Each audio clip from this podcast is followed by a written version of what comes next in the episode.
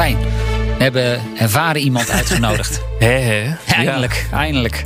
John is een enorm recruitingproces altijd voor onze podcast. Dat- Absoluut. je hebt geen idee wat er echt allemaal achter de schermen gebeurt. Nou, en veel mensen vinden het eh, stiekem toch nog ook wel een beetje spannend hoor. Zo'n radiostudio. Ik geloof, is dit is de 37e aflevering. Het duurde bij jou ook 36 afleveringen voordat je... En nog ga ik met spanning hier naartoe. Zo is dat. Oké, we gaan beginnen.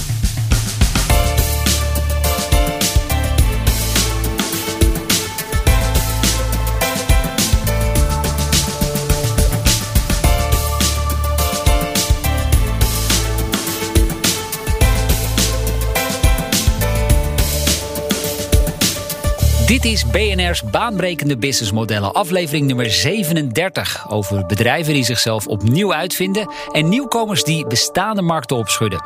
Mijn naam is John van Schagen. Patrick van der Pijl is er uiteraard ook weer bij. En Patrick, we gaan meteen even terug de tijd in. We zijn bijna aan het einde van het jaaroverzicht van het NOS-journaal. Als u het nog een keer wilt zien, dan kan dat op internet. Zet uw PC aan, start uw webbrowser.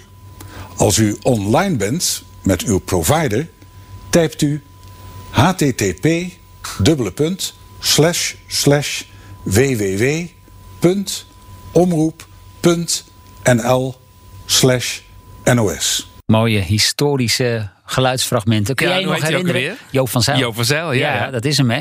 Kun jij je nog herinneren dat jij voor het eerst over het internet surfde? Ja, en het ging dan met zo'n raar eh, piepgeluidje. Alleen, ehm, ik studeerde toen op Nijrode. en Dat was helemaal een eh, hot ding. Dus was, eh, dat was voor voortaan de manier waarop er gecommuniceerd zou gaan worden. Ja, voor mij was dat op de Hogeschool Alkmaar, zo ergens ook rond 1996.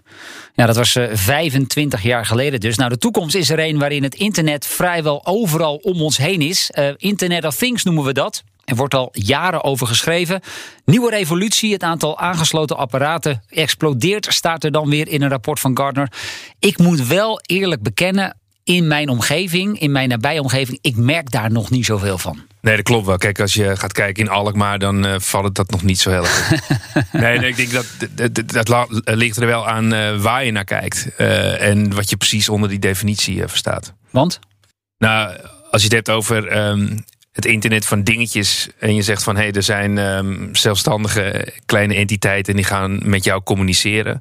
Eh, er zijn echt legio voorbeelden te vinden. ehm, wat aan dat criterium voldoet. Ja, maar die pratende koelkast, waar we het al jaren over hebben, eh, ik zie hem nog nergens. Nee, Jury vergeet ze ook dat we ooit nog eens een keer onze groenten gaan verbouwen in die koelkast. eh, En dat hij dat allemaal automatisch gaat signaleren. Ik denk dat het afhankelijk is van de applicaties die je daar ziet. Want dat vraagt ook nog wel een, een eh, gedragsverandering en een logistieke aanpassing voordat je dat soort dingen kan doen. Maar het feit dat een ehm, internetdingetje dat kan constateren dat je koelkast leeg is, dat is er wel.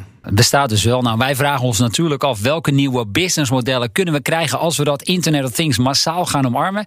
En iemand die al veel langer over die vraag aan het nadenken is, dat is Wienke Gieseman van The Things Network. Van harte welkom. Dankjewel. Ja, opgericht in 2015, bedoeld om de ontwikkeling van IoT in Nederland een, een boost te geven. Is er nu op dit moment een markt waar deze technologie de boel al behoorlijk aan het disrupt is? Ehm, nou ja, dat is eh, wat Patrick ook zei, is een beetje wat de definitie van Internet of Things is. Eh, waar wij ons op, eh, op richten is voornamelijk bedrijven helpen om assets of, of nou, dingen, hè, dat kan, kan van alles zijn, te verbinden aan hun enterprise IT-systemen. Zo een soort van, dat is misschien wel de meest eh, minst sexy definitie van Internet of Things. Maar Maak, ehm, maak dat eens concreet, want het klinkt nou, nog wat vaag. Ja, dus, eh, dus eh, heel simpel. Wij, wij volgen bijvoorbeeld eh, met eh, onze eh, Internet of Things technologie 10.000 koeien in Nieuw-Zeeland. En de, daar, eh, die hebben koeien, eh, boeren, eh, zonder hekken. Dus die wil je graag met een GPS-tracker volgen. Eh, en eh, je wil ook weten wat er aan de hand is als een koe gaat bevallen. Hè? Dus dan wil je zorgen dat je erbij bent. Maar als het op zo'n groot veld, dan moet je wel daar met je weten waar je met je truck naartoe rijdt. Wij helpen bijvoorbeeld WeWork eh, over heel de wereld met hun optimalisatie van vierkante meters van hun coworking space vestigingen. Dus zij plaatsen bewegingssensoren in de vergaderruimtes. En op basis daarvan dat gebruik kunnen ze bepalen, ja, kan ik deze vergaderruimte niet schrappen? Want een vergaderruimte vierkante meter is overhead. En een vierkante meter desk is revenue. Nou, uh, we helpen bijvoorbeeld uh, een logistiek... trouwens een week uh, ja, ik wilde het eigenlijk. Ik stop niet hè, met voorbeeld. Oké, okay, nee, bestaat dat nog? Ja. Maar bestaat vraag. WeWork nog en betalen ze je rekening ook? En zit er überhaupt iemand op kantoor? Ze zijn vandaag naar de beurs gegaan voor 9 miljard. Dus, dus dat gaat heel goed met ze. Wat is met die oprichter? die hebben ze, ze hebben 30 miljard moeten afschrijven. Maar ze, ze, ze, die oprichter, volgens mij, hebben ze daar mee gezetteld. Dus volgens mij, daar is een hele, is een hele mooie verhaal. Die is eruit gekikt. Ik kunnen wel een aparte uitzending kiezen. Zeker, zeker. Geef, geef nog eens een voorbeeld. Bijvoorbeeld, uh, bijvoorbeeld um, uh, het, uh, het tracken van assets in interne supply chains. Dus we hebben bijvoorbeeld klanten in Amerika die maken hele, hele dure auto's. En die heeft in hun een service overeenkomst en een leveringsovereenkomst staan dat als het, de wagen hun terrein verlaat, dat de factuur mag worden gestuurd. Um, um, en wij helpen ze met het met plaatsbepaling van die van die auto's. Uh, en hierdoor konden ze twee maanden eerder facturen sturen. En, en, en daar heb je het over een cashflow optimalisatie van 10 miljoen ja. voor een investering van 50.000 euro. Um, uh, dus daar zie je logistiek, uh. Uh, in, in gebouw zien we het. Zijn we nu bezig met een grote ja, sociale woningbouw um, partij in, in, in Engeland. En wat zij doen is ze plaatsen vochtigheidssensors in ventilatiekanalen van de, de, de appartementencomplexen die zij uh, onder hun beheer hebben. En op het moment dat die vochtigheid omhoog gaat, dan zit er ergens iets vast. En uh, wat er dan gebeurt, en dit is, een, is een heel mooi, mooi voorbeeld hoe het in het soort van enterprise IT-systemen van de klanten uh, de data doorvoert, dan wordt er automatisch soort van een onderhoudsopdracht gepland op het bestaande uh, soort van, dat heet een field force management systeem. En uh, de volgende keer dat iemand daar is, krijgt hij op zijn lijstje erbij. Kijk even hoe het hier met de ventilatie is. En de kosten die dat op lange termijn kan besparen, dat is immens. Weet je, de vochtigheid, dat, ja, op een gegeven moment kan het enorme schade toebrengen. Dus ja, je zeg die maar, voorbeelden zeg maar zijn er. Als ja. we, zeg maar stop. Ja, volgens mij als we jou laten doorgaan, dan hebben we een half uur gevuld met dit soort voorbeelden. Feit is wel, en dat vertelde jij vlak voordat we deze podcast gingen opnemen. Jij wordt de laatste tijd nauwelijks gevraagd nog om hierover te spreken. Wat zegt dat over deze technologische ontwikkeling? Nou, één is dat, dat op een gegeven moment, als je natuurlijk, uh, toen wij vijf, zes jaar geleden begonnen, we, we, hebben gelanceerd en we werden een week later, terwijl het programma al vast stond voor, voor South by Southwest, gevraagd om een paar maanden later bij South by Southwest te spreken. Nou, dit, dit, dit is totaal niet meer zo. Dus één, wat betekent dat? Is dat uh, mensen hebben het verhaal wel gehoord. Alleen die technologie, hè, met de sensoren en de hardware die je moet maken, voordat dat volwassen wordt, dat moet even door een fase van teleurstelling heen. En ik denk dat we qua Internet of Things nu een soort van bijna rock bottom zijn. Een soort van, van ja, het, het is niet sexy, weet je, je hebt het er niet meer over.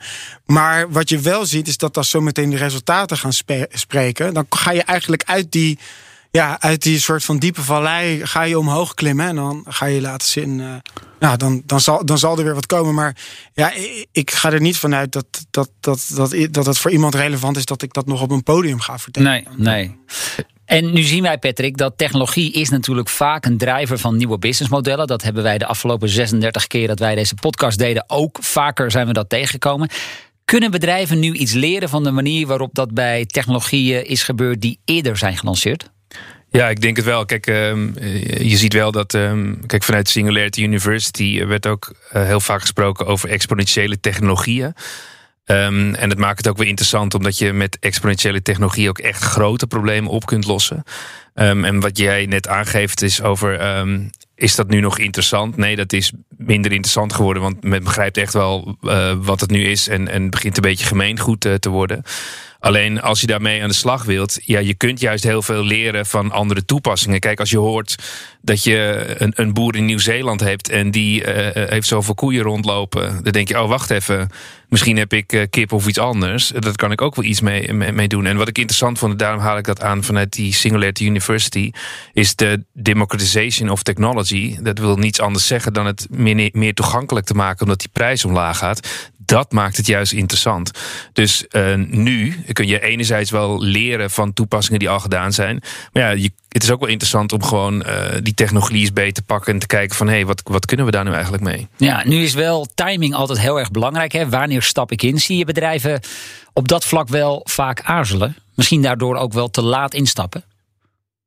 Nou, het ligt er een beetje aan um, wat je bedoelt met uh, te laat. Want um, je ziet dat bijvoorbeeld zo'n oplossing bij een. Uh, neem een boer. Je hebt ook um, een oplossing, is Connecterra. En die doet ook met Internet of Things. En die monitort dan zeg maar hoe je best je, je hurt of je, je, je kudde moet voeden. Ja. Ja, die hebben aanvankelijk zeg maar zo'n uh, probleem en die doen het zoals het werkt. Alleen als je dan met IoT iets kunt doen en je gaat het als bedrijfje starten, dan ineens kan het disruptief veel tijd uh, worden bespaard. Dus als je het kijkt vanuit een perspectief vanuit een boer, ja, die kan nog wel wachten. Alleen als hij ziet dat het ineens goedkoper en slimmer kan, dan is het voor hen een interessante optie. Ik denk alleen als je het bekijkt vanuit corporate bedrijven, dus neem bijvoorbeeld een, een grote fabrikant van, van drank, bijvoorbeeld Heineken. Uh, ja, die is er alles aan gelegen om via IoT je logistieke fabricatieproces nog meer kosten te kunnen besparen en dingen slimmer te kunnen doen. En dan is het wel de vraag van ja, moet je daar nog langer op wachten? Ik denk dat de technologie zich al ruimschoots bewezen heeft. Dus dat je daar echt wel in kunt stappen. Ja, hoe is jouw uh, ervaring op dat gebied, eh, Wienke, qua corporate Nederland? Omarmen die dit al of is er toch nog wel wat twijfel? Nou, wij, wij hebben bijna geen klanten in Nederland. Dus, uh, dus uh, 70% van onze klanten zitten in Amerika. En uh, daar zie je dat er, dat er iets, uh, iets meer draagvlak is voor dit soort business case. Omdat er gewoon heel simpel zit. Dus als de kosten van de investering. En uh, vaak gaan dingen in OPEX, hè, dus in operationele kosten. gewoon minimaal tien keer lager zijn dan, dan, dan de besparing die je bewerkstelligt. Dan is het gewoon een no-brainer. Dus we hebben een klant en die heeft voedselveiligheidstemperatuursensoren geïnstalleerd in, in alle Kentucky Fried Chickens en Subway Sandwich en ehm, er zit nog een andere onder die holding. Maar even kwijt. Maar daar uh, uh, wordt onze technologie gebruikt om uh, alle koelkasten te meten. En als er dan iemand bij de Kentucky Fried Chicken heeft gegeten en die voelt zich niet lekker en die belt de Voedsel- en Warenautoriteit, dan hoeven zij letterlijk maar op één knop te drukken en dan gaat er een e-mail met een door die staat goedgekeurde template met een safety report. En dus wat je daar ziet, oké, dit bespaart mij per franchise restaurant één FTE. De kosten zijn, volgens mij rekenen ze iets van 200 euro per maand per sensor. Nou, dat maakt niet uit. Ja. Weet je, dan, en, da, en dan is het gewoon op het gaspedaal drukken. En dan ineens drie maanden later zit dit in elke Kentucky Fried Chicken. In en als je dan dit soort nieuwe IoT-business kansen afpelt, waar zit hem dan meestal de winst? Want ik noem Patrick hier zeggen kosten. Zeg jij ook, is dat snelheid, gemak, uh, verhogen productiviteit? Of is het een combinatie van die factoren? Het, het, is een combinatie, alleen je hebt een soort van, wat de Amerikanen noemen, beachhead nodig. Dus je moet ergens landen. En, typisch in Nederland, dus als we met, met, met Nederlandse, Duitse klanten spreken, dan willen ze gewoon uh, ziegerheid. En dan zeg ik, oké, okay, weet je, wat ga ik hier besparen? En het is nog beter, dus oké, okay, er, er, verandert bijvoorbeeld wetgeving rond hoe ik muis, met muizenvallen omga. Of met uh, rookalarms. Dat, dat gaat nu veranderen. Nou, dan, dat, is, dat, dat is wanneer een Duits bedrijf heel hard gaat lopen. Weet je, als ze, ja. als, ze, als, ze, anders niet volgens maar, de wet zijn. Uh, die vraag die ik net stelde. Um, vind jij dat de Nederlandse bedrijven, de grote bedrijven in Nederland, zijn die hier ook al voldoende mee bezig? Ik zie, ik zie het her en der. Het is, het is een soort van wat ik, wat ik zelf zie. Is wij, wij hebben gewoon niet heel veel klanten in Nederland die er, die er mee bezig zijn. En, en, en wat ik wilde, wilde vertellen met, die, met, met de houding is dat um, de, de eerste stap van die kostenbesparing. Uh, die lijkt soms soms, ja, soms is dat niet interessant genoeg, maar de, de, de, de exponentiële soort van opportunity zit daarachter. Er zit ineens dat er allerlei data, metadata in zit, waarvan jij helemaal niet wist hoe waardevol die was. Zoals bijvoorbeeld? Nou, een voorbeeld is dat je. Als wij helpen bijvoorbeeld uh, uh, bedrijven met het managen van een, een, een, een fleet aan muizenvallen. En als je muizenvallen zet, dan moet je dus wettelijk elke twee weken, drie weken. Ik weet allemaal de details niet. Dat is, daar zijn onze klanten heel goed in. Periodiek. Periodiek moet je checken. Moet iemand naartoe sturen. Als ik daar dat slim maak en ik laat dat, die muis van een berichtje sturen naar mijn Field Force Management systeem. Eh, dan hoef ik alleen maar mensen te sturen als er een muis is gevangen. Maar wat er natuurlijk uit voortkomt, is dat je volgens ziet: oké, maar waar in mijn magazijn daar zitten die muizen nou precies? Dus wat je dan ziet, dat je ineens die data kan gebruiken. Om niet alleen het, het, het, de soort van het gevolg, soort van de, maar ook de, oorzaak kan aanpakken. En dat is wat data doet. Dit is maar een heel klein voorbeeld. En, en dat kan iets zijn. En ik denk wat, wat, wat je als corporate denk, van twee kanten moet benaderen. Van één, wat is mijn opportunity? Maar voor mij is veel belangrijker is wat, wat als mijn concurrent dit wel doet. Ja? Ja. En omdat eh, het toch best wel stroperig is. Hè? Dus ik begin een project en voordat ik iets heb, ben ik minimaal 12 maanden verder. En dan ben ik heel optimistisch. Dus dan, dan, dan denk je van ja, nou ja, het zal wel niet zo ver lopen totdat het zover is. Maar dan weet je wel dat als jouw concurrent het is, dat, dan weet je één ding zeker in onze markt, dan loop je drie jaar achter. Ik Ja. denk dat John, wat ook interessant is als je nadenkt over het type probleem wat je oplost met IoT, ligt het ook wel een groot gedeelte buiten Nederland. Dus je hebt bijvoorbeeld een Nederlands bedrijf die heet Hyber. Ehm, hebben ook Internet of eh, eh, Things. En dat passen zij toe op hele grote eh, equipment systemen. Eh, ik ontmoette ze laatst bij een eh, Salesforce diner. En wat ik heel interessant vond is dat hij ook zei: ja, je hebt dan eigenlijk hele grote assets die rondrijden in een eh, treinen. En dat moeten ze dan in een wild land eh, gaan vastleggen. Zeg ja, die treinonderdelen die komen eens in de vier jaar dan weer op die plek. Dus het luistert heel nauw om dat allemaal te installeren. Ja, kijk, als we dat in Nederland zouden doen, dan rij je één dag rond en heb je al die treinstellen gevonden. Dus het is ook wel, Ja. ik denk, de aard van de, van, de, van de problematiek en daarmee de oplossingen wel meer buiten Nederland zal liggen. Ja, wij spraken elkaar voorafgaande de podcast ook nog even, Patrick. En toen noemde jij echt, nou ja, ze kwamen uit je mouw rollen eh, ongelooflijk snel allerlei voorbeelden. Welke, welke zie jij zoal? Nou, kijk, er zijn, w- ehm, wat net ook al werd gezegd. Kijk, je ziet bijvoorbeeld eh, voorbeelden in security. Dat gaat met name zeg maar, over eh, motion detection. Eh, dus dat je weet dat er dingen gebeuren waar je anders misschien een bewaker voor het neer moet zetten of zelf moet gaan kijken. Nou, bijvoorbeeld de activity trackers, bijvoorbeeld in monitoring van gezondheid. Of ehm, eh, self-learning machines die uiteindelijk door detectie dingen zelf kunnen herstellen of signaleren. Smart farming, of je nou Connectera bent of dat je, je weet waar je koeien rondlopen. De VR-glasses, maar bijvoorbeeld ook contact lenses. Eh, je hebt triggerfish, dat is een oplossing. Dat zit zeg maar kleine deeltjes in het membraan daarvan. Eh, en die signaleren ook hoeveel licht eh, er, er op je ogen komt.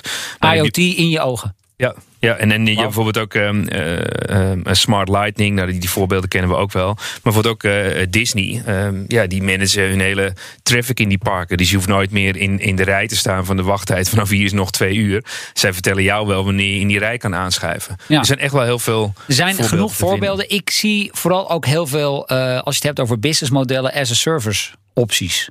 Ja, dat is wel een smaak. Ehm, en waarom? Omdat uiteindelijk, eh geef het voorbeeld... en dan kunnen we misschien straks wel even eh, de vraag stellen... hoe, eh, hoe, hoe, zijn, hoe jouw businessmodel eruit ziet. Ehm, als je uiteindelijk een, een signaleringsfunctie gaat neerzetten vanuit Internet of Things, dan is het best wel logisch dat je een, een, een service neerzet. want het moet onderhouden worden, het moet bekeken worden. Dus dat is, dat is één onderdeel. Dus je ziet eigenlijk, als je het hebt over IoT, zie je negen businessmodel voorbij komen. Ja. Oké, Dus ehm, we die, gaan heb, even die heb je opgeschreven. Ja, ja. Dus eh, kijk, nummer één eh, gaat over platform. En dan bedoel je platform, nou bijvoorbeeld Alexa. eh, die sluit ook al die verschillende Ja. signaleringen. Even de voice, het voice-apparaatje van Amazon. ja, ehm, daarnaast heb je zo'n abonnementenmodel, waar we het net over hadden. En dat is eigenlijk een soort always on. Want je wilt uiteindelijk ook gewoon dat er een bedrijf is die dat voor jou helpt tracken. Dus fijn dat je een abonnement hebt. Dan pay-per-use.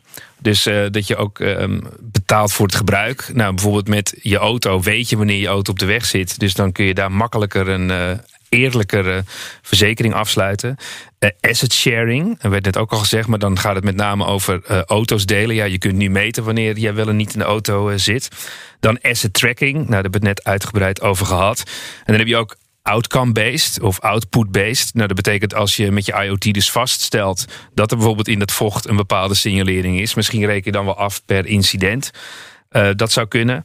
Eh, compliance, dat gaat ook weer op die checks. Dus je zit net even een stukje in het, eh, eerder in het signaleren. Daarna het data-driven. Bijvoorbeeld de software van eh, Alibaba. Ze hebben zo'n heel city-concept waar ze alles eh, hebben verbonden aan de steden. En dat ze dat allemaal kunnen tracken en tracen. En daarna zeg maar een soort service ehm, adjacent noemen ze dat. En dat betekent eigenlijk dat je ook eh, onderhoud kunt gaan voorspellen. Nou, Wienke, Ja. Ik heb aandachtig zitten luisteren. Het waren er negen. Ga je hier inderdaad in mee? Ja, want eh, eh, eh, ik denk dat wat, je, wat je ziet is dat bijna al die businessmodellen zijn heel erg herkenbaar bij binnen onze klanten. En wat wij als technologiebedrijf met Things Industries bieden is een, is een platform, een soort van cloud. zou je het kunnen noemen. Met heel veel soort van handvaten om dat te bouwen. Dus dus op, op ons platform worden zowel die koeien uh, uh, trackers gemanaged, als wel de, de, de sensoren die in de rework zitten. Maar, maar bijvoorbeeld als je naar jouw businessmodel kijkt, bied jij dan, ik kan me voorstellen, je kan een platform bieden waar je dat soort dingen kunt bouwen. Je kunt ook zeggen, betaal ons voor het bouwen zelf. Maar misschien is het ook wel verleidelijk om te zeggen, laat ons die koeien maar in de gaten houden. Ja, dat, dat is verleidelijk, maar wij, begrijpen, wij weten helemaal niks van koeien. Dus dat is, dat is een soort van... Een, John en ik ook niet hoor. Nee.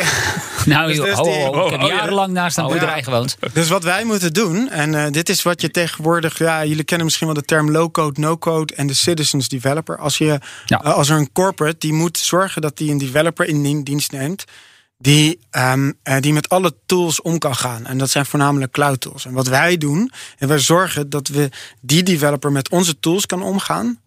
En dan met het domeinkennis van zijn business. En deze, wat, wat, hè, wat je noemt enterprise developer, uh, daar ga je op in. Uh, de, de opening keynote van, van Microsoft's developer event door, door een CEO, Satcham, die, die, die, die had daar wat interessants over te zeggen. Die zei van er is nog in de historie nog nooit zoveel, in 2020, zijn nog nooit zoveel IT'ers aangenomen door bedrijven zelf omdat wat die, wat die aannemen is wat ze, ja, zij noemen het een citizens developer, ik noem het een enterprise developer. En dat is iemand die kan, van, die kan met heel veel tools omgaan. Die weet van niks heel veel. Maar die kan wel alles aan elkaar knopen. En voor bedrijven zoals ons is het belangrijk dat, dat, dat, dat, dat die ermee om kan gaan. En wij wij verbergen dan die hele complexe wereld van radiogolven met antennes en, en sensoren. En, uh, en dan verkoop jij in feite een product aangevuld met uren. Ja, dus, dus die, nee, dat, alleen het platform. Want, uh, uh, want we zijn geen, geen consultancybedrijf. Dat, daar hebben we dan weer partners voor. Maar wat wij maar wat, wat, wij hebben een hele simpele verkooppitch aan, aan een bedrijf. Zeg van of je neemt drie specialisten aan. Of voor 5% van die kosten betaal je voor ons SaaS-platform. En, en, en tegenwoordig, wij, wij hebben um, een, grote developer community om ons heen verzameld. En wat je ziet in de wereld, we hebben 7,4 miljard, misschien voor mij 7,7 miljard mensen. En, daarvan zijn er maar 25 miljoen op de wereld die code kunnen leveren die je naar productie kan brengen. Waarvan ook nog het overgrootste gedeelte in India en China woont. En uh, uh, dus, dus de wereld van IT en digitalisering kan niet voorwaarts als we verwachten, verwachten van enterprises om al dit soort specifieke technologieën zelf te, te, te kunnen.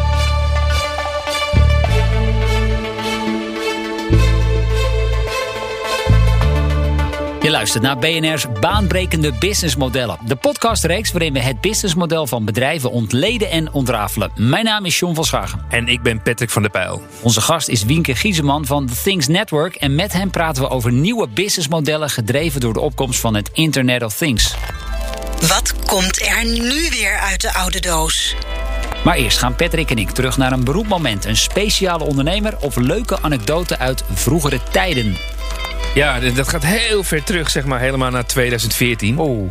De FIFA World Cup, weet je nog wel, in Zuid-Afrika. Met die Fufuzela's, maar ook met die Bavaria. Uh, eh, 2014 was in Brazilië. Oh. werden we derde met, met Van Gaal. je ziet, ik ben een enorme voetbalkenner. Dat blijkt. Dus ik neem je helemaal terug naar 2014. En uh, wat uh, daar gebeurde is dat uh, Nicolaas Westerhof, die zei hey, hoe kunnen wij onze passie voor sport en data combineren? En eigenlijk um, de uitkomsten van uh, dat soort wedstrijden uh, toegankelijker maken voor een uh, groter publiek. Dus wat, wat bedoelen daarmee te zeggen? Dat in die professionele sportindustrie werd eigenlijk niet heel erg veel met data gedaan. Waardoor ze dachten, hey, wij gaan eens een keer technologie ontwikkelen die dat dan uiteindelijk wel kan. Dus Beyond Sports is gebaseerd op een AI. En is eigenlijk een visualisatiebedrijf. Maar wat maakt het nou interessant? Zij hebben dus kleding voorzien van, van IoT. En ze hoeven dus geen camera's meer in stadia op te hangen. Want ze kunnen die wedstrijden gewoon door die IoT uitzenden. En dan denk je, oké, okay, hoe werkt dat dan? En toen zei ze, ja, maar dat maakt het nog... recht en zo? Nee, dat kan dus. dus ja? dat, dat, hebben ze geregeld in, die, in de US. Okay. En hebben van die rugby games en, die, en dat gebeurt op die manier. Maar ze dachten, ja, als we dat toegankelijk maken voor een breed publiek, dan maken we daar gewoon um, een soort avatars of uh, grappige poppetjes van. Dus je ziet nu hele blokkerige poppetjes over een veld heen rennen, terwijl de wedstrijd echt ook uh, gebeurt. Dus het is een hele interessante ontwikkeling op het gebied van uh, IoT. Ja, en dan betekent dus dat je geen camera's meer gebruikt, maar eigenlijk gewoon ja, Internet of Things. Wauw. En gebeurt dit inmiddels ook in Nederland? Nou, uiteindelijk, ze, hebben, um, ze doen het voor Arsenal, voor Ajax, voor ook een club uit Alkmaar. Uh, en, uh, ja, dus Daar heb ik een seizoenskaart van, eh, Patrick. uh, dus ze, ze, zijn ermee bezig. Kijk, er moet er wel wat groeien. En, maar wat ik wel opmerkelijk vond, is dat je dan ineens een hele andere doelgroep aantrekt. Omdat je niet ja, misschien denk je, we moeten echt de beste, mooiste sportbeelden hebben. Maar ja, als je dan van die grappige poppetjes over een veld heen ziet lopen, is het gewoon een, hele andere ervaring. Ja, mooi. Nou, mijn moment, uh, daarvoor gaan we terug naar het jaar 1982. Want het eerste ding op internet werd ontwikkeld in dat jaar. Een Coca-Cola drankautomaat van de Carnegie Mellon University in Pittsburgh, Pennsylvania. En die vertelde over het aantal beschikbare drankjes en de temperatuur daarvan. Begin jaren 80, ik was vier jaar. Um, ja, en die term overigens, het Internet of Things, die stamt uh, pas uit 1999. Het werd dat jaar voor het eerst gebruikt door Kevin Ashton, een uh, Britse pionier in de techniek. En uh, eh, 2008, dus negen jaar later, was een mijlpaal. Want dat was het jaar waarin er meer dingen met het internet verbonden waren dan mensen. En ik denk dat we die achterstand nooit meer in gaan halen. Wienke, want hoe ziet dat er de komende tien jaar uit? Hoeveel apparaten zullen we omstreeks 2030 aan het internet verbonden hebben. Uh, is dit ja, dit is, is dit waar? Ja, kijk, ja, Gartner voorspelt dit altijd, maar ze zitten zij doorgaans goed met hun voorspellingen of? Ja, kijk, het is een soort van, ik denk dat uh, dit, is, dit, dit gaat alleen maar voorwaarts. Dus er gaan gewoon overal meer, meer sensoren inkomen. En, en ik denk dat als je naar je, naar je huishouden kijkt, hoeveel Philips Hue-lampen je misschien hebt, of andere dingen. Ik heb nu een kattenbak die ik uh, met wifi kan uh, programmeren om uh, automatisch, sorry, om kattenvoer te geven, een, voederbak. Oké. Dus, dus, ik denk dat. Even, even wachten, ik probeer me dit heel even voor te stellen. Een kattenbak aangesloten op in het Internet of Things. Ja, dus dat en dan? Is gewoon, nou, en dan geef ik aan hoeveel eten die, wanneer die wat eten krijgt. En, uh, we hebben echt een Uber-nerd hier in de studio. Hè? ja, maar, en het is ook, het, het is ook grappig. Het, het, levert dan ook aparte problemen op. Dus ik heb dan mijn Philips Hue-lampen ook, ook heb ik ingesteld om dan, om dan uh, kinderen ook een beetje wakker te maken. Dat, maar die heb je dan dus heb ik op dezelfde tijd ingesteld. ingesteld dus nu dan schiet de kat naar beneden en de kinderen komen dan omhoog. Dus je hebt dan je komt allemaal van dat soort nieuwe rare synchronisatieproblemen. Dit is ja. even uh, uh, sidestep. Maar, um, maar nee, dit gaat alleen maar voorwaarts. Maar ik ben, ja, weet je, ik ben denk, in die zin soort van enigszins nederig over dit soort dingen, omdat ik ook zie hoe moeilijk het is. En ik zie dat we nu rock bottom in soort van na de hype zitten. Uh, maar, maar ja, dit gaat, uh, dit gaat voorwaarts. En welk domein zie jij dan als meest kansrijk? Je noemt net thuis. Uh, we zien ook de industrie, daar wordt het al volop gebruikt met predictive maintenance. Ook logistiek is al een aantal keer genoemd. Ja, de, de, de, uiteindelijk kan je natuurlijk alles verbinden en kan je alles in de gaten houden. En, en toch heel veel dingen, net zoals. ik denk dat ik het heel kan ook vergelijken met andere technologieën zoals AI. Het, vaak als het er echt goed is, dan zie je het niet. En, en het internet hebben we het ook niet meer over. Weet je, als het er echt is en het is het gewoon onderdeel van ons dagelijks leven. En je ziet gewoon, het komt gewoon uh, uh, uh, steeds meer. Maar waar, waar, ja, waar, waar wij echt een enorme tractie nu zien, is gewoon in de enterprise en corporate sfeer. Waarbij gewoon ja, superveel ehm, ja, data nog niet ontsloten wordt.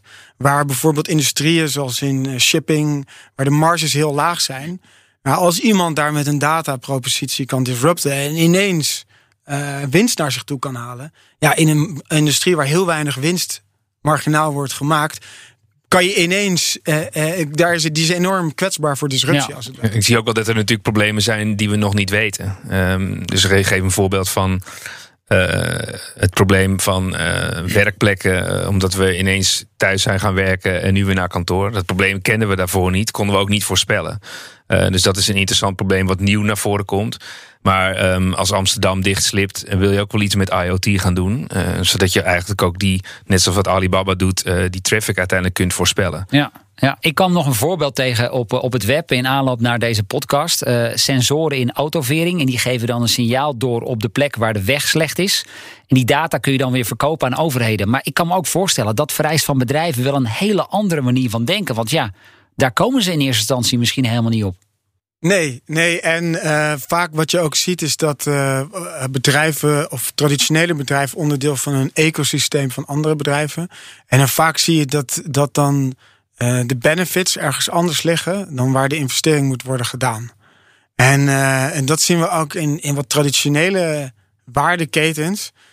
Ja, dat je denkt, oké, als ik naar de hele waardeketen denk, waarom is dit zo? Maar als je dan vervolgens inzoomt, denk ik, oh ja, die doet dat kunstje, die doet dat kunstje, die doet dat. En ja, weet je, met elkaar is het allemaal prima. En uh, hebben ze lekker 50, 5% return on investment elk jaar. En dan uh, is een investeerder niet al tevreden meer. Waarom zou je iets aanpassen? En dat is ook, met zo'n muizenval is het ook. Dat je, je moet je voorstellen, uh, een, een slimme muizenval is ongeveer 50 euro. Een gewone muizenval is al 30 jaar 1 gulden. En toen was hij een euro. En dat is en je moet je voorstellen wat je van iemand verwacht. Iemand die zit in de, in de, in de, in de industrie van, uh, uh, van ongediertebestrijding. En je moet ineens, dan ga je ineens vertellen, jij gaat nu een digitale transformatie aan. En de, de, wat jij nu nog gaat doen totdat je met pensioen gaat. Dus je gaat 90% van je mensen ontslaan. En uh, je gaat een IT-platform lanceren. Soort van, soort van wij, wij kunnen als ik, ik, maak me totaal niet de illusie dat ik enigszins kan voorstellen wat voor, wat dat, hoe iemand daarop reageert. Dat, die, daar sta je niet voor open. En het hoeft niet. Ja, want, want, want de, de noodzaak is er niet. Nee. nee. er wordt een mooie winstmarge gedraaid. En de, de, kijk, het enige is dat dat dus, hè, dat, dat het, uh, wat ze dan noemen, het innovators dilemma of hoe dat ook weer. Ja. Uh, dus dus da, dan ben je wel een beetje een sitting duck. Want als iemand anders het doet, en nog meer pech, en een of andere concurrent uit Amerika, die vliegt in. En uh, ja, dan, dan je kan niet meer reageren. En dan ben je te laat. En daar had ik het net dus inderdaad al over timing. Dat is heel belangrijk. Uh, tegelijkertijd zeg jij, ja, die trajecten voordat een bedrijf al dan niet overstag gaat, die duren minimaal 12 maanden. Dus het ja, blijkt dus, wel dat. Internet of Things, maar je ook met hardware te maken. Ja, je hebt nu ook nog een componenten uh, tekort. Dus je hebt het nu al over minimaal 18, 24 maanden. En, uh, en dat, geeft je, dat kan je een bepaald comfort geven. Van oké, okay, nou weet je, dat, dat zal met tijd wel duren. Uh, aan de andere kant, het, het vergt ook niet een enorme investering om nu te starten. Hè? Dus als je vanuit die citizens uh, developer low-code, no-code paradigma denkt. Als je, als je dat omarmt, dan denk ik, wat maakt het dan uit als ik uh, iemand in mijn team, mijn IT-team gelukkig kan maken door hem twee dagen in de week te doen. Het voordeel is dat hij bij je blijft werken. Dat is helemaal geen garantie tegenwoordig, dat mensen bij nee. dan ook blijven werken. En uh, anders is dat je dus iemand vanuit een soort van technologie uh, uh, exploratie uh, laat je het vinden. En daar, daar check je dan af en toe bij. Het hoeft niet zo ingewikkeld te zijn. Alleen, en want je kan heel, heel klein starten, omdat ja, de tools zijn er wel. Weet je? De, de, de volwassenheid door ja, door al die uh, ja, mislukkingen en al die gefaalde POC's die wij als industrie soort van hebben gecreëerd, ja, zijn we wel een stuk volwassener geworden. En is het ook echt voor jou, corporate developer, mogelijk om nu te starten? Ja, betekent wel dus dat je daar omheen een strategie moet bedenken en ook die nieuwe signalen moet oppikken. Patrick, jullie doen veel van dit soort sessies met bedrijven. Daarin gaat het ook vaak over nieuwe technologie. Eh, als startpunt ook om die nieuwe businessmodellen te gaan ontwikkelen. Hoe prikkel jij dit soort managers om over die nieuwe mogelijkheden te gaan nadenken? Ja, je kunt uh, eigenlijk ook wel die, um, uit, die technologie als uitgangspunt gebruiken. Uh, om eens na te denken hoe je daarmee bepaalde problemen kunt oplossen. Dus we noemen het wel eens um, het epicenter denken vanuit je eh, resources of vanuit technologie. Um, dus je hoeft niet altijd vanuit problemen te starten om te kijken wat kan ik oplossen, maar ook vanuit dat stukje. En dan gaan mensen ook pas zien wat voor toepassingen um, er mogelijk zijn. En dat vind ik ook wel een, een ander dilemma wat daar een beetje naar voren uh, komt. Kijk, die technologie gaat zo ontzettend hard dat uh, bedrijven en mensen in die organisaties geen idee hebben wat het precies is. Nou, je merkt aan onze podcast dat we het ook met elkaar proberen te duiden. Ja, en laat staan dat ze dan weten uh, waar ze naartoe moeten om dat soort oplossingen uh, beter pakken en toe te passen. Wij zien het al bij implementatie van last mile platformen. Um, hey, wat gaat onze online propositie zijn? welk spel gaan we echt spelen? En dat heeft ook mee te maken, wat Wienke net aangaf. Ja, als je een bedrijf hebt en de mensen werken daar en die gaan op een gegeven moment met pensioen. Ja, waarom zouden die de noodzaak hebben om ineens de nieuwste technologie te gaan implementeren? Want wat is het de benefit voor hen? Um, dus het is echt wel uh, moeilijk om een voorstellingsvermogen te creëren bij mensen die gewoon dagdagelijks hun werk doen om ineens naar dat soort technologieën te gaan kijken. Ja, en Winke, zie jij ook inderdaad bij, als jij in gesprek bent met klanten of met potentiële klanten, dat ideeën over dat businessmodel, hoe die gaat veranderen, dat bedrijven vaak nog zoekende zijn in het begin? Ja, nou ja, ik, ik, ben daar vaak, uh, dat hangt een beetje vanaf, maar ook wat, wat minder genuanceerd. Dus het is, jou, het is jouw, jouw, beroep. Dus, uh, maar ik, waar, ik, waar ik wel vaak ook heel kritisch naar ben, is als, als wat dan eens wordt uitgenodigd om over Internet of Things te praten. Van, van inderdaad, wat is dat grotere verhaal? En soms dan, dan heb je echt de vraag van waarom denk je dat je over vijf jaar überhaupt nog bestaat? Weet je, waar, waar, wat is daar het antwoord op? En wat voor, wat, wat, heb je, wat voor middelen heb je dan nodig om ervoor te zorgen dat je dat gaat doen? En, um, en dat is, dit is een heel extreem voorbeeld hoor. Ik vind het verder altijd heel aardig. Ook, we zijn, uh, ook voor klanten. En, um, en, maar, maar het, is wel, het is wel een beetje prikkelend. En dit soms, soms ook wel eens um, zo'n grote internationaal uh, ja, systems integrator. En, die, en die, daar had ik, dat is twee jaar geleden, een sessie met, met al hun. Ze hadden twintig CTO's op een of andere manier. Er vroeg ook iemand van ja, maar hoe krijgen we deze verandering nou door de organisatie heen? En ja, dat is toch ook ja, toch heel lastig. En ik geef meestal gewoon het advies aan wanneer in een groot bedrijf bewegen dingen. Of er staat iets in de fik en er lopen brandweermannen heen. Of er staat iets te glinsteren en er is een bonus te halen. En daar lopen anderen heen. En voor de rest is het day-to-day business. Dus of zet iets in de fik, of geef iemand een enorme carrièrekans. Maar ja, soms is het heel erg plat. En, uh, en maar wat adviseer jij dan? Um... Nou, dan is adviseer ik ga naar Patrick, want die weet het veel nu ja. genuanceerder te brengen. Nee, je ziet ook wel eens, nou, ik heb het interessant dat je dat noemt, want kijk, je ziet ook wel eens um, door die BIS-modellen te bestuderen, zie je, zoals jij net aangaf, John van Hayes, service modellen. Nou, dan kijk je naar uh, furniture. Oh ja, furniture as a service. Dan weet je dus dat je iets met uh, die IoT moet gaan doen.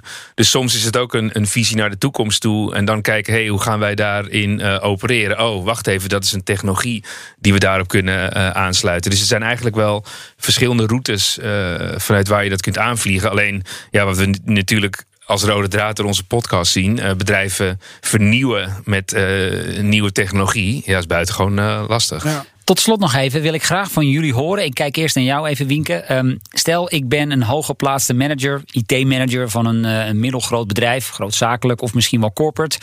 Ik heb deze hele podcast zitten luisteren. Ik denk, ja, hier moeten wij iets mee. Alleen we weten helemaal nog niet welke kant we op willen. Waar begin ik? Nou, dat, dat, je begint bij de kans of het probleem. Dus ga eerst met Patrick praten. En wij, wij komen dan. Hij maakt ongeveer... wel reclame hier, hè? Nou, nou, maar, maar, of met, uh, met een van zijn uh, conculega's. Maar, ja. uh, oh, en, en wij, die technologie komt later.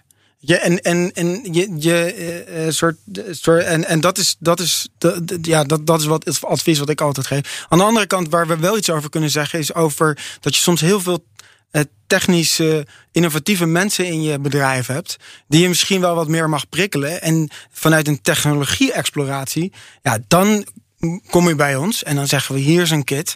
En, maar dan ben je wel een developer en dan uh, beloven wij je dat jij met onze kit uh, in een dag een proof of concept hebt. We hebben conferenties over heel de wereld. Amsterdam doen we in januari weer, Amerika volgend jaar, Hyderabad, Tokio en, en Australië. Dus daar, daar kan je ook je mensen naartoe sturen. Maar dan, ja, dat, dat, dat facet van eventjes te ontdekken wat die technologie is en wat je aan het begin zei. Van oké, maar zij doen nu iets met koeien of ze doen iets met muizenvallen, maar ik doe iets met uh, melkbakken of met bloembakken. Hé, hey, wat als ik dat eens verander, hoe gaat dat dan mijn proces? En als ik die data al in het ERP gooi, hé, hey, wacht, ik hoef maar 50, 100.000 euro te investeren. En dan heb ik eigenlijk gouden data van mijn, van mijn supply chain en dan werkt het. Dus, dus, dus ja, dus, dus vanaf twee kanten. En vanuit de technologieontdekking, da, dan kan je zeker bij ons terecht. Maar verder is het heel belangrijk dat je weet wat je probleem en wat je, wat je eigen visie is. Wienke Gieseman van The Things Network, dankjewel voor je komst naar de studio. Uh, dit was BNR's baanbrekende businessmodellen. Volg deze podcast en je krijgt een seintje als er weer een nieuwe voor je klaar staat. Tot volgende week.